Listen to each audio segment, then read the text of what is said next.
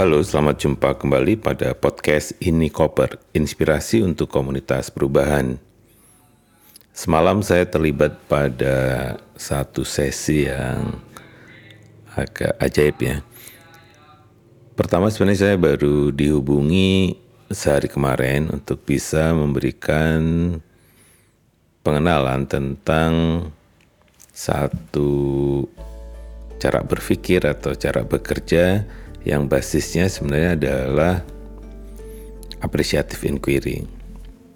Nah, appreciative inquiry ini kan memang selalu bersih tegang ya dengan pendekatan-pendekatan yang lain karena ada semacam salah kaprah seolah-olah kalau di appreciative inquiry itu tuh kita bicara tentang apa saja itu dari hal-hal yang positif. Jadi waktu di Bali beberapa waktu yang lalu itu juga sempat ditanyakan oleh uh, panitia dan juga host yang mengundang saya ke Bali. Mereka menyatakan kalau kita melihat sebuah kelemahan di seseorang, apakah apresiatif itu atau apresiatif inquiry itu bisa tetap melihat sisi positifnya gitu. Karena ini kadang pertanyaan ini banyak sekali ya yang selalu menyatakan bahwa mereka semacam tidak percaya sebenarnya pada appreciative inquiry karena memang kenyataannya kan ada kelemahan gitu. Nah, kelemahan ini yang akan menjadi fokus perbaikan menurut mereka ya. Nah, saya sebenarnya kalau menangkap hal seperti ini. Pertama, apresiatif inquiry itu memang jalur berpikir yang berbeda. Kalau kita ingin di tengah-tengah balance bahwa ada positifnya atau ada negatifnya, ya ada artinya balas di dalam di dalam pendekatannya bukannya apa bukan berarti apresiatif inquiry itu mau seperti itu hanya itu sah saja. Saya tidak perlu juga sebenarnya menggunakan saya menggunakan apresiatif inquiry. Jadi di sini saya ingin sampaikan adalah bahwa apresiatif inquiry memang agak ekstrim ingin melihat bahwa pada setiap sistem dari mulai human ya dari manusia, dari organisasi dan dari society itu ada hal-hal yang bekerja dengan baik. Siapa pun mereka, dan itu susah ya menemukan sesuatu yang positif, baik dari banyak orang karena keseharian kita selalu ingin melihat orang dari sisi yang kurang. Selalu ada masalah di tingkat manusianya, di tingkat organisasinya, dan juga di tingkat masyarakatnya. Jika ini di di apa dipakai itu yang kemudian orang menyebutkannya sebagai deficit based thinking. Nah, deficit based thinking tujuannya memang menemukan masalah. Seperti sebuah mesin scanning itu yang dicari apa masalahnya. Nah, kemudian bagaimana masalah itu kemudian dicari solusinya. Dan kadang proses memilih solusinya juga tidak kreatif kreatif banget ya bisa sangat sangat sangat sederhana ya. Nah dengan cara ini itu yang akan terjadi di dalam uh, pendekatan deficit based thinking karena di deficit based thinking itu basis pendekatannya adalah pada akhirnya yang disebut dengan problem solving.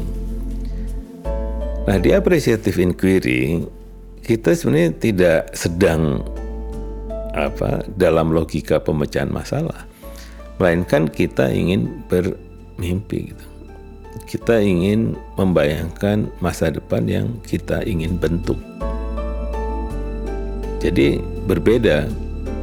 Karena itu masa depan yang ingin kita bentuk yang berbeda dengan keadaan sekarang itulah yang tanpa disadari sedang ingin memecahkan hal-hal yang tidak diinginkan pada saat ini. Nah, tadi malam itu saya sendiri hanya menggunakan common sense ya bahwa karena tidak ada pengantar apa-apa, eh, saya ingin menyampaikan bagaimana cara berpikirnya apresiatif inquiry.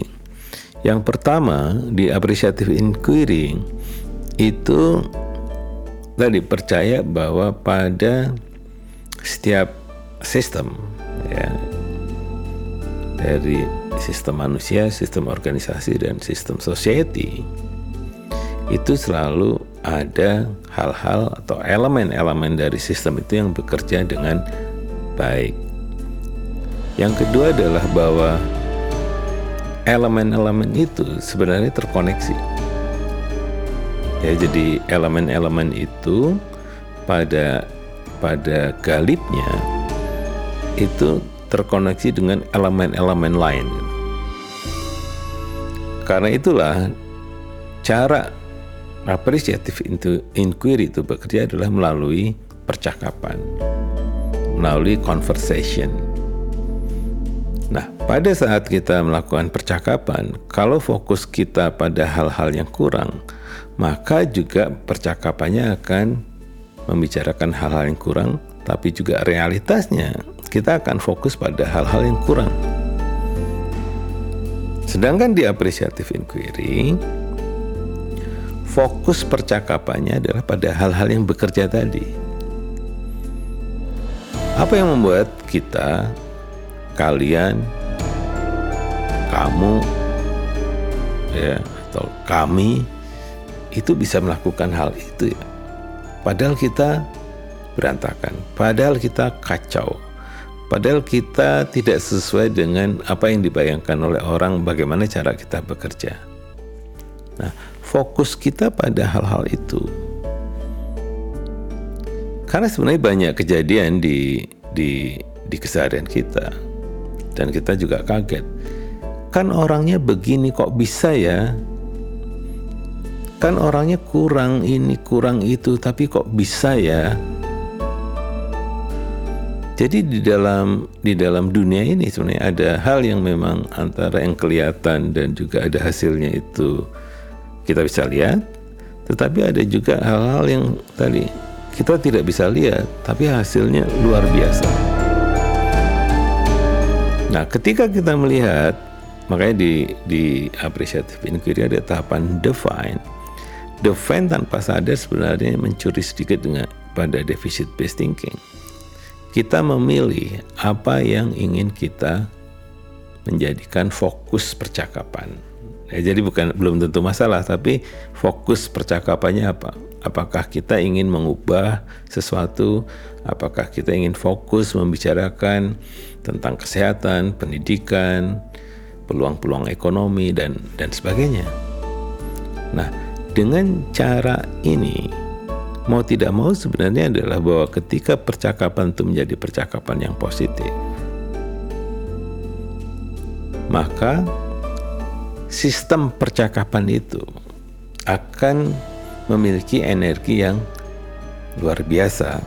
Orang menyebutkannya adalah antusiasme. Karena itu setelah define di apresiatif inquiry itu kita membicarakan tentang discover. Nah, discover itu adalah semacam metafora bagaimana kita menemukan kekuatan kita dengan cara melihat ke masa lalu.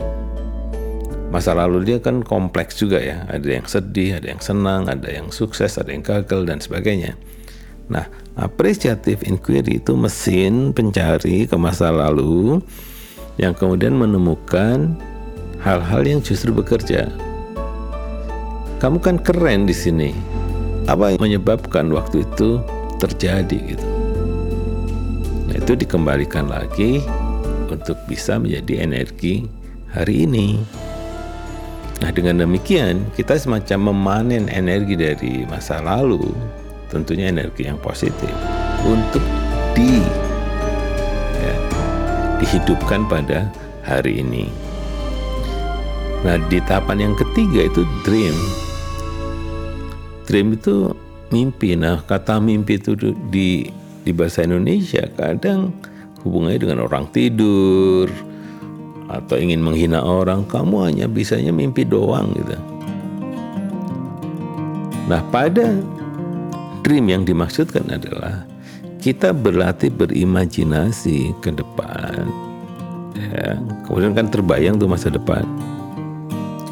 Ada ini, ada itu, elemen-elemennya kan terbayang ya. Jakarta yang seperti ini, Indonesia yang seperti ini, keluarga saya yang seperti ini kan terbayang. Ada mungkin gambar rumahnya, ada gambar mobil elektriknya, ada transportasi umum yang sangat modern, tidak perlu ke mana-mana naik mobil yang berbahan fosil dan sebagainya. Kalau itu bisa dibayangkan, itu pun adalah sebuah energi. Memang belum terjadi, tetapi itu adalah energi. Energi yang kemudian ditarik ke hari ini. Sehingga pada apresiatif inquiry di, di tahapan yang ketiga, itu ada dua energi yang dikawinkan. Dua energi itu disatukan. Energi itulah yang melahirkan yang saya sebut tadi antusiasme kita tiba-tiba merasa menjadi sesuatu gitu. Yang energinya berlebih-lebihan. Nah, ketika energi itu berlebih-lebihan, kita baru masuk ke tahapan desain. Nah, di tahapan desain itulah kita mulai merancang untuk ya supaya imajinasi yang saya bayangkan itu terjadi, apa saja yang harus dilakukan. Itu yang yang disebut oleh teori of change ya bisa juga elemen-elemen sukses untuk tadi impian itu terwujud gitu. Jadi impian itu bukan sesuatu yang ditinggal ya, yang kemudian kita ingin mewujudkan yang lain, tetapi justru elemennya apa yang harus ada. Itu yang kita ingin wujudkan. Nah, di desain itu salah satu yang sering dipakai ya tahapan ideasinya design thinking yaitu dengan cara berpikir divergent berpikir melebar selebar-lebarnya nah setelah elemen-elemen itu bisa kita kumpulkan itu baru kita bisa semacam apa ya dia memilih lah memilih elemen yang paling kreatif elemen yang belum pernah dilakukan oleh orang dan dan sebagainya baru di bagian di bagian akhir di proses ini yang kita sebut sebagai deliver. Deliver adalah boleh jadi orang menyebutnya RTL, tapi dalam apresiatif inquiry agak dihindari RTL. Ya, fokus kita sebenarnya mirip analog ya. Analog itu visualisasi bahwa dalam tiga tahun ke depan saya ingin ya supaya kantong saya lebih tebal atau saya lebih banyak ya, akan berkontribusi, berkontribusi secara sosial di komunitas-komunitas terdekat saya. Jadi di Deliver sebenarnya gagasannya adalah inovasi. Inovasi apa yang bisa kita lakukan tanpa harus menunggu apa pun. Tanpa harus menunggu proposal, tanpa harus menunggu pihak lain harus mendukung kita, apa pun kita lakukan secara mandiri maupun secara kolaborasi dengan orang-orang yang memang kita sudah berkolaborasi selama ini. Jadi di sinilah yang sebenarnya yang membedakan dengan RTL. Kalau RTL itu kadang adalah tahapan-tahapan tindakan yang memang bisa dikontrol. Sedangkan di gagasan deliver itu adalah kita bisa melakukan sesuatu yang baru sama sekali. Sesuatu yang beda sama sekali yang belum pernah kita lakukan. Jadi kadang juga bukan planning. Kalau planning tuh bisa kita bisa kontrol seperti orang berlibur. Tapi kalau di deliver itu sifatnya berpetualangan. Jadi itu yang ingin saya sampaikan cerita semalam menyampaikan materi ini kepada para mentor ya mereka orang-orang baik orang-orang keren yang sudah terpilih yang akan membantu kaum muda yang sudah memperoleh beasiswa Indonesia Maju dan mereka akan memilih universitas di luar negeri hanya diberikan bobot bagaimana supaya mereka juga bisa melihat isu-isu sosial yang ada di Indonesia syukur-syukur punya inovasi untuk bisa memecahkan masalah-masalah sosial yang demikian kompleks di Indonesia. Jadi itu saja ini koper kali ini. Koper kita selalu percaya bahwa berbagi apa pun itu akan bermanfaat bagi komunitas perubahan. Sampai jumpa pada edisi berikutnya.